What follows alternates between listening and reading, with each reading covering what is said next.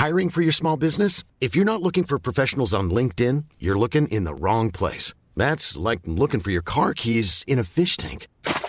LinkedIn helps you hire professionals you can't find anywhere else, even those who aren't actively searching for a new job but might be open to the perfect role. In a given month, over 70% of LinkedIn users don't even visit other leading job sites. So start looking in the right place. With LinkedIn, you can hire professionals like a professional. Post your free job on linkedin.com slash people today. Media. Het is oorlog in Europa. Gaan we allemaal dood in een kernoorlog? Nee, ik denk het niet. Gaat de oorlog de wereld veranderen? Dat weet ik zeker. In samenwerking met Dagblad Trouw probeer ik met deze podcast grip te krijgen op de oorlog. Hier houd ik je wekelijks op de hoogte van de situatie in Oekraïne en Rusland. Eerst nog even dit. Uh, de podcast-uitzending met een live publiek op 13 maart is nu al uitverkocht. Dat eigenlijk terwijl de line-up nog helemaal niet bekend is. was eigenlijk alleen bekend dat ik een, een grote pan met borst ging maken. Uh, daar hebben jullie kennelijk hele hoge verwachtingen van. Maar niet getreurd. Er komt volgens mij ook een livestream van de uitzending. En verder zijn er de komende weken nog twee evenementen die met de oorlog in Oekraïne te maken hebben. Op 17 februari organiseert VPRO een avond in Tivoli Vredeburg. Daar laat ik waarschijnlijk een sneak preview zien van een nieuwe serie over Centraal-Azië. En een week later, op 24 februari, dus precies een jaar na de invasie, is er een avond in Pakhuizen Zwijger Onder meer met Jaap Scholte, Iris Koppen en Jelle Korstius. Ik zet een link naar beide evenementen in de show notes. En dit gebeurde er in week 51 van de oorlog. Het lijkt erop dat Rusland al is begonnen met het lenteoffensief. Het, ja, het lang verwachte lenteoffensief. Of tenminste voorbereiding op het offensief. In Bachmoed wordt hevig gevochten. Volgens een Russische bron wordt echt om elke straat en zelfs elk trappenhuis gevochten. En volgens de Oekraïense minister van Defensie Reznikov vallen alleen al in Bachmoed elke dag 500 Russische doden. Het is echt krankzinnige hoge aantallen. Aantal Oekraïense doden schijnt significant lager te liggen. In ieder geval volgens Reznikov, minister van Defensie van Oekraïne. En die doden aan Russische zijde zijn steeds vaker gemobiliseerden. In plaats van, hè, waar ik het eerder over had, die ex-gevangenen in dienst van de Wagner-groep. En de verwachting is dat er dit voorjaar steeds meer van die gemobiliseerden in de vleesmolen worden gegooid. Op dit moment zijn er naar schatting 320.000 Russische soldaten in Oekraïne. Dat is twee keer zoveel als tijdens het begin van de invasie. En aan de andere kant van de grens in Rusland staan nog eens 200.000 gemobiliseerden klaar om in de strijd te worden gegooid. Rusland is ook in de aanval op andere plaatsen in de Donbass, onder meer bij Kremina, waar de Russen juist waren teruggedrongen na een tegenoffensief vorig najaar. En ze zijn ook actief in Zaporizhye, de provincie in het zuiden van Oekraïne. Uh, ook daar meer actie van de Russen. Maar om het offensief te relativeren, als de Russen verder gaan met het tempo zoals ze aangehouden hebben in, uh, in Bakhmut, duurt het nog 78 jaar voordat uh, de Russen Oekraïne hebben ingenomen. Dus dat ter relativering. Maar goed, met die nieuwe golf aan nieuwe soldaten, nieuw gemobiliseerden, kan het natuurlijk sneller gaan. En de belangrijkste vraag zal in de komende weken worden beantwoord, namelijk wat is eigenlijk de kwaliteit van die gemobiliseerden? Ze zijn met heel veel, maar zijn ze eigenlijk ook goed? Zijn ze goed getraind? Zijn ze goed gemotiveerd? Zijn ze goed van spullen voorzien? Is het tekort aan helmen en kogelvrije vesten? Al die eindeloze filmpjes die ik langs zie komen op Twitter. Is dat nou anekdotisch of structureel? Zijn ze snel geneigd te deserteren? Blijven ze van de drank af? Is er orde überhaupt? En het is die kwaliteit van die hele massa gemobiliseerden die volgens mij een verschil gaat maken in deze oorlog. In ieder geval dit voorjaar. Nou ja, op zo'n gevoelig moment, terwijl een tegenoffensief van Rusland waarschijnlijk nu al soort van begonnen is, wisselt Zelensky zijn minister van Defensie. Daar zit al sinds het begin van de oorlog Alexei Reznikov. Tenminste, het lijkt erop dat hij wordt ontslagen. Want het, ja, de ene dag hoor ik dat het wel gebeurt en de andere dag weer niet. Er zijn in ieder geval enorme problemen bij dat ministerie van Defensie. uh, grote problemen met corruptie. En het was die Resnikov die nu bijna een jaar geleden met uh, Zelensky een videoboodschap opnam. Ik weet niet of jullie het je kunnen herinneren. Het was volgens mij dag twee of dag drie van de oorlog. In de avond staan ze op straat voor het parlement. Um, ja, en zeggen gewoon: wij blijven hier. En ik dacht op dat moment: over één dag zijn jullie dood. Maar dat is dus helemaal anders gelopen. Hoe dan ook, die Resnikov die stapt op na een aantal corruptieschandalen bij het ministerie van Defensie. Wat ja, ik denk niet heel verbazingwekkend is als je kijkt naar de miljarden die in het land worden gepompt. Vergelijk het ook even met de miljarden die in Nederland zijn gepompt in de coronaperiode. Zullen denk ik ook wel wat mensen onwettig rijk zijn geworden. Bijvoorbeeld bij de verkoop van mondkapjes. In ieder geval met die harde aanpak van corruptie wil Zelensky laten zien dat het land wel degelijk hoort bij de Europese familie. Helemaal in aanloop naar een bezoek van Zelensky aan uh, Brussel. Dat gebeurt waarschijnlijk op donderdag als hij het Europese parlement toe gaat spreken. Dit een beetje nog onder voorbehoud trouwens. Deze week ook een inval bij de Oekraïense oligarch Igor Kolomoisky. Die zou bij de import van producten ongeveer 1 miljard euro aan eh, importkosten hebben ontweken. En die inval is heel opvallend, want Zelensky begon als protégé van deze Kolomoisky. Die was toen eigenaar van een tv-zender. En Zelensky maakte toen die tv-serie waar hij zo populair mee werd. En dus de zender van Kolomoisky die steunde Zelensky ook bij de verkiezingscampagne. Gaf hem ruim aandacht op de televisie. En mede door de steun van die tv-zender werd Zelensky president. Dus ik hoop dat de terugslag voor Zelensky niet te groot is, want Kolomoisky is nog steeds een machtige man in uh, Oekraïne. Gaan we verder naar de Russische media.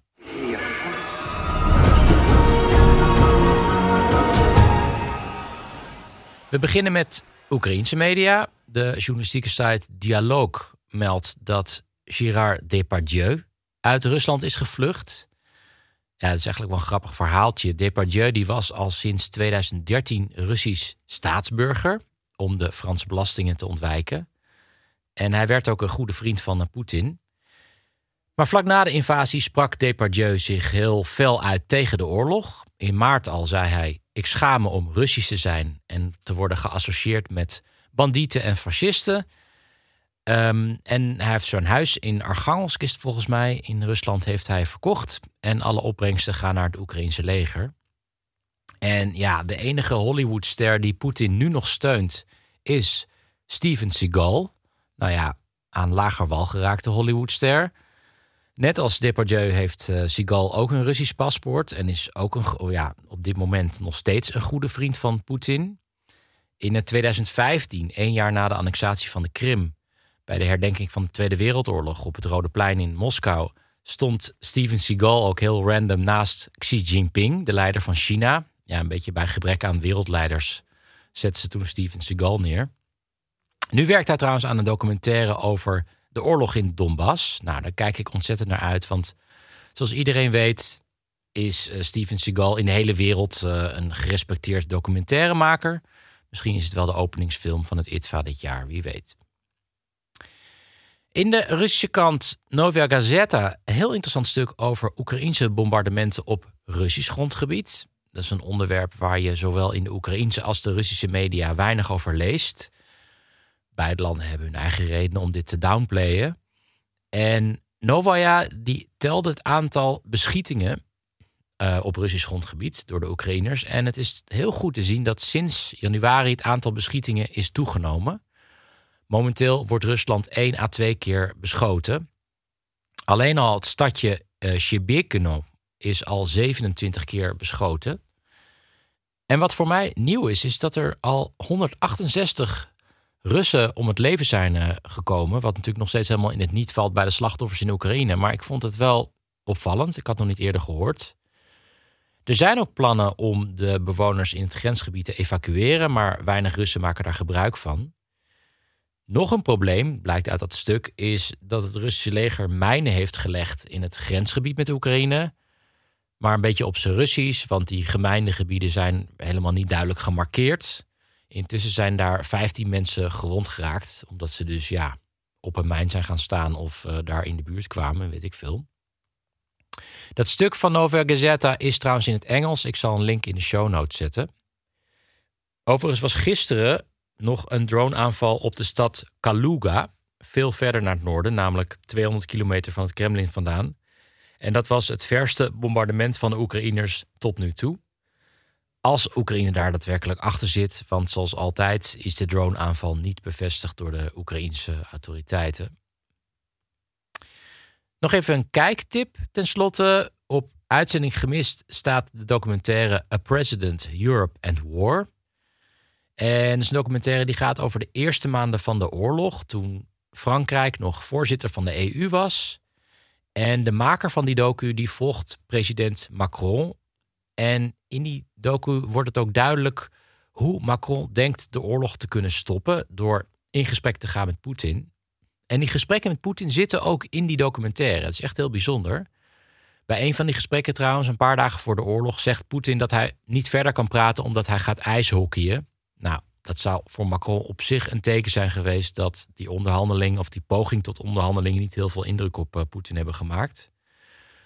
Maar goed, het is ook makkelijk oordelen achteraf. Uh, Macron komt toch een beetje over als een lichtelijk naïeve leider. Maar het is echt interessant om een, een, echt kijkje achter de schermen te zien. Je ziet ook wat voor belangrijke rol die topdiplomaten van Frankrijk spelen. Een van hun is ook een voormalige ambassadeur in Kiev. En uh, ze zijn dan op een gegeven moment op bezoek in Oekraïne. En zij barst dan in huilen uit als ze haar kok ziet. Degene die voor haar heeft gekookt in, uh, toen ze ambassadeur was. Eerder in de oorlog was die kok uh, gewond geraakt. Ja, diplomaten zijn ook mensen, is de boodschap. Maar dat zeg ik verder zonder cynische bijtonen. Het is echt het kijken waard, deze documentaire. Ik zal nog ook even een link in de show notes zetten. En dan nog dit. Ik maakte ooit een reis naar Barrow, een stadje op het noordelijkste puntje van Alaska, voor een reportage over de walvisjacht. Dit is een van de weinige plekken waar nog steeds wordt gejaagd op walvissen. Dat gebeurt door de Inupiaq. Dat is een Inuit volk. En de Inupiaq zijn daar volledig afhankelijk van de walvisjacht. En daarom is het dus een uitzondering voor ze. En ze mogen elk jaar nog steeds zes walvissen vangen. En ja, echt totaal bizar. De slacht van die walvissen gebeurde op de landingsbaan van Barrow, van het vliegveld. Want het was eigenlijk de enige plek die groot genoeg was om dat eh, te doen. Dus een paar dagen konden ook geen vliegtuigen landen daar. En het was een hele geïsoleerde plek. Op een gegeven moment eh, ging ik met de fotograaf een stukje de stad uitrijden. Maar de weg hield gewoon na 20 kilometer op, midden in de toendra. En we hadden de radio aanstaan en een DJ zei op dat moment: Als er iemand luistert, bel me dan even, dan weet ik dat ik dit niet voor niets doe. Nou, dat is een beetje de, een van de eenzaamste plekken waar ik ooit ben eh, geweest. Hoe dan ook, die Inupiaq, die zitten ook aan de andere kant van de Beringstraat in Rusland. Veel Inuit-volkeren, die zijn met elkaar verwant. Maar ja, door de loop van de geschiedenis zijn die Inuit nu in twee verschillende landen beland. In twee landen notabene die al bijna 80 jaar aardsvijanden zijn. En ik moest denken aan Barrow toen ik een stuk las in de New York Times. Ik zal een link in de show notes zetten. Als het goed is kan je dat lezen zonder paywall. En het gaat over twee mannen uit het Russische vissersdorpje Yevgekinot aan de Beringzee. Een stadje dat net zo afgelegen is als dat Barrow waar ik zat. Ik heb even op de kaart gekeken en ook uit Yevgekinot gaat er één weg het dorp uit. Ik heb even op Google Maps die weg gevolgd en die eindigt dan in het gehucht Il Ilyultin. Um, dat klinkt niet Russisch, maar dat is ook, uh, ja, ik denk Chukchi, dus een ander volk in, uh, in Rusland. En dit Ilyultin ligt in het Evjavapatsky-gebergte en ligt aan een rivier die eindigt in de Tenker-Ginkimangi-lagune.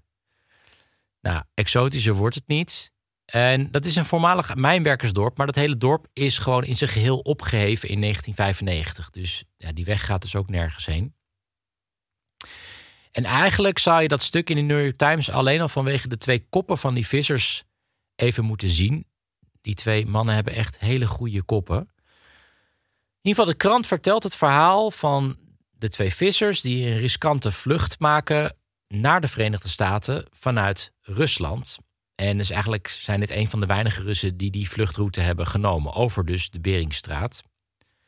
Dat stadje waar ze wonen ligt 6000 kilometer van Moskou vandaan. Maar ook hier werden vorig jaar in september, dus tijdens de mobilisatie, mannen geronseld om naar het front in uh, Oekraïne te worden gestuurd. Maar die twee mannen, Sergej en Maxim, die deden net als veel andere Russische mannen de deur niet open toen er werd aangeklopt. En vervolgens maakten ze een plan om te gaan vluchten. En ja, het enige wat ze konden veroorloven was te vluchten met een klein motorbootje. Totaal ongeschikt om de Beringstraat mee over te steken, maar goed. Zij wilden daar met dat bootje mee naar Amerika varen. Over dus die onstuimige Beringstraat. Ik denk iedereen die Deadliest Catch eh, op Discovery heeft gezien, die weet wat ik eh, bedoel. In ieder geval op één dag was het rustig weer en zeiden ze tegen de andere bewoners van het dorp dat ze gingen vissen. En ze begonnen, de, ja, ze begonnen hun ontsnappingspoging. Een tocht van 450 kilometer. Ze komen ook walrussen tegen en een orka. En het wordt natuurlijk een heel Russisch verhaal, want niet alleen breekt er alsnog een storm uit, maar dat bootje gaat natuurlijk ook stuk. En ze zitten midden in die storm en het bootje staat half onder water. En dan zien ze St. Lawrence liggen. Dat is een eiland die onderdeel uitmaakt van Alaska. Een eiland dat bewoond is door de Yupik, nog een groep Inuit die aan beide kanten van eh, de Beringstraat wonen, in Amerika en in Rusland. En Maxime zelf is een uh, Chukchi, dat is weer een verwant volk aan de Yupik. En ja, vanwege die verwantschap worden ze daar met open armen ontvangen. En een paar Yupik die vertellen ook dat zij nog grootouders hebben die in Rusland hebben gewoond. Tot dus dat ijzeren gordijn neerdaalde en je dus niet meer op en neer kon gaan. Hoe dan ook, Sergej en Maxim die zullen dit voorjaar niet aan het front belanden in Oekraïne. Ik zal nog een link zetten naar het stuk in de show notes. Bij mij aan de lijn is Joep Meek, die net terug is uit Oekraïne. Welkom Joep. Dankjewel Jelle. Uh, Joep eh, die zat in Oekraïne om daar zogenaamde shelter suits uit te delen. Kan je vertellen aan de luisteraars wat dat is, een shelter suit? Yes, een shelter suit is eigenlijk een, eh, een, een jas uh, met de optie om er een, een slaapzak aan vast te ritsen. Mm -hmm. Het is eigenlijk een tweedelig product. Um, en wij produceren dat product in Enschede. Uh, het is volledig gemaakt vanuit uh, restmaterialen, zoals de binnenvoering gemaakt van oude slaapzakken die wij inzamelen op uh, bijvoorbeeld festivals of via kringloopwinkels. Okay. Um, en de productie wordt gedaan door voormalig vluchtelingen. Dus heel veel mensen uit Syrië die voorheen in hun eigen land vaak in de confectie hebben gewerkt, die werken mee aan de, aan de producten. Oké, okay, tof. En het idee is dus ook dat je erin, ik neem aan dat je er ook in kan slapen. Klopt. En we hebben eigenlijk twee typen producten. Dus we hebben de shelter suit. Uh, dat is eigenlijk een, uh, een, een, winterproduct. Dus dat is een jas met aanritsbare slaapzak. En we hebben ook de shelter bag. Dat is eigenlijk een soort één steentje. Uh, waar je in kunt liggen met een matje en een opstaande capuchon. En die hebben we ook uitgedeeld in Oekraïne. En daar hebben we een slaapzak van Nomad aan toegevoegd die tot min 15 meegaat. Ja. dus dat zijn eigenlijk de twee producten die wij nu in Oekraïne hebben uitgedeeld. Oké, okay, en, en waar zat je in Oekraïne? Uh, wij uh, verbleven zelf in Odessa en we zijn uiteindelijk uh, voor de, het uitdelen van de producten naar een, een, aantal dorpen in de buurt van Mykolaiv gegaan. Okay. Um, en we hebben het eigenlijk constant samen gedaan met Cordate. zij zorgen eigenlijk noodhulp in de verschillende gebieden in Oekraïne om er eigenlijk voor te zorgen dat we ook zeker wisten dat de producten bij de juiste mensen terechtkwamen. En ben jij toen meegegaan naar de dorpen bij Mykolaiv of is dat, zijn dat je partners geweest? Nee, nee, daar ben ik zelf ook geweest. Ja. Ik ben samen met uh, Bas Timmer, de oprichter van Shelter, zijn we daar okay. uh, uh, geweest. Ja, en, en wordt daar nog, ja, dat heeft wel heel erg veel indruk op mij gemaakt. Ik wou net zeggen, wordt daar, wordt daar ook nog geschoten? Want ik, Mykolaiv komt niet zo vaak meer in het nieuws, maar dat zegt niet alles. Nee, nou ja, goed, weet je, uh, er gaat wel constant het luchtalarm af. Ik weet dat we op een gegeven moment ongeveer 30 kilometer van een bominslag zaten in de buurt van Gersel. Ja. Um, uh, en, en wat voor mezelf um, ja, wel heel heftig was, eigenlijk, um, uh, weet je, je ziet het normaal gesproken alleen in uh, films uit de Tweede Wereldoorlog, maar we hebben gewoon ja, allemaal loopgraven gezien, bunkers die eigenlijk net. ja, er is daar gewoon één grote veldslag geweest. Dat is wel een aantal maanden geleden, maar dat maakt wel heel veel indruk op je om dat van dichtbij te zien. Eigenlijk. Beetje alsof je in een tijdmachine stapt, of niet?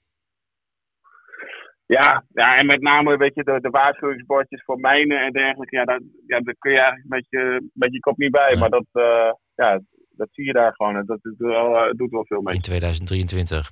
Ja, en, en weet je, de indrukken in die dorpen zijn gewoon, weet je, je komt daar mensen tegen. Met name heel veel oudere mensen die gewoon weigeren hun dorp te verlaten. En die, uh, uh, ja, we waren bij een vrouw op een gegeven moment van 85 die nog in haar huisje woonde. Nou, de bom was bij haar in de tuin ontploft. Jezus. Maar de, ja, de fiets lag zeg maar in de woonkamer en het was min 5. Uh, maar ze had de kleertjes voor de volgende dag had ze wel klaargelegd, zeg maar. En het, ja, het plafond was half ingestort en ja, echt heel heftig om te zien. En daar konden we dan gelukkig een, uh, een, een, een sheltersuit uitdelen. Want hoe, hoe reageert zo'n uh, hoe reageert zo'n oudere vrouw nou op zo'n iets ja, wat toch iets nieuws is? Zo'n sheltersuit, dat kent ze dan niet. Wat, wat vindt ze dan ervan?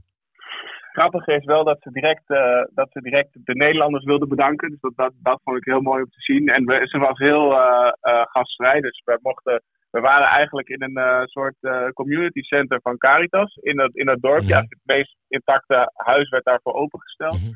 En we raakten aan de praat met die vrouw die zei van ik wil heel graag jullie, uh, jullie mijn huis laten zien. Dan zijn we vijf minuten in de auto gestapt, met haar meegereden. Ja, en toen kregen we helemaal een rondleiding, maar het was één grote ravage eigenlijk. Jezus. Maar zij was nog steeds heel blij dat ze ons dit kon laten zien. Dus dat, ja, dat, dat deed wel echt wat met je. Ja, geweldig. Hey, heb je het idee dat er in Oekraïne een tekort is aan bepaalde middelen?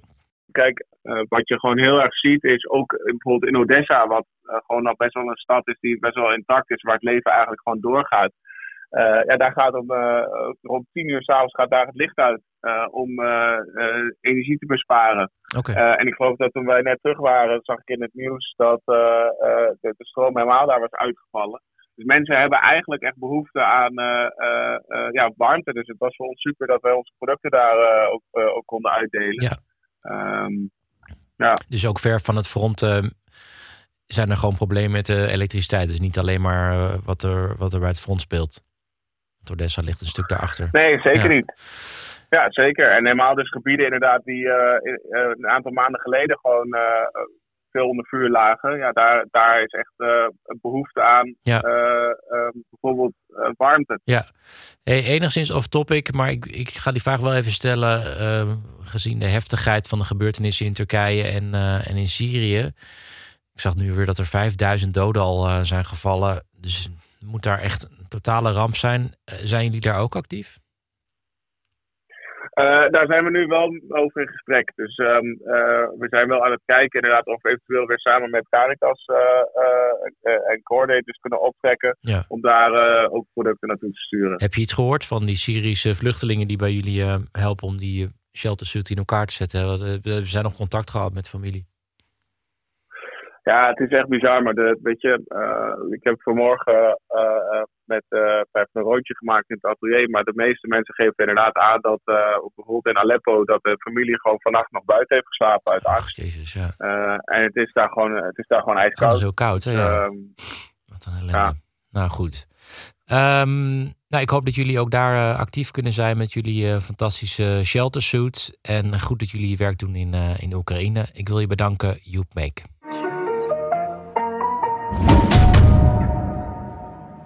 Dat was het voor deze week. Ik zet nog een link in de show notes. Wordt lekker druk daar in de show notes. Uh, van het fotoverslag van uh, fotograaf Jeroen Torkens. Van dus die walvisjachten in Barrow. Mocht je dat leuk vinden om te zien. Verder, mocht je dat initiatief van Sheltersuit willen steunen, dan kan je doneren. En dat kan op de site geefwarmte.nl. Nou, dat is zo'n makkelijke URL. Hoef ik niet eens een show note voor neer te zetten. Geefwarmte.nl. Ik ben er zelf weer volgende week. Tot dan.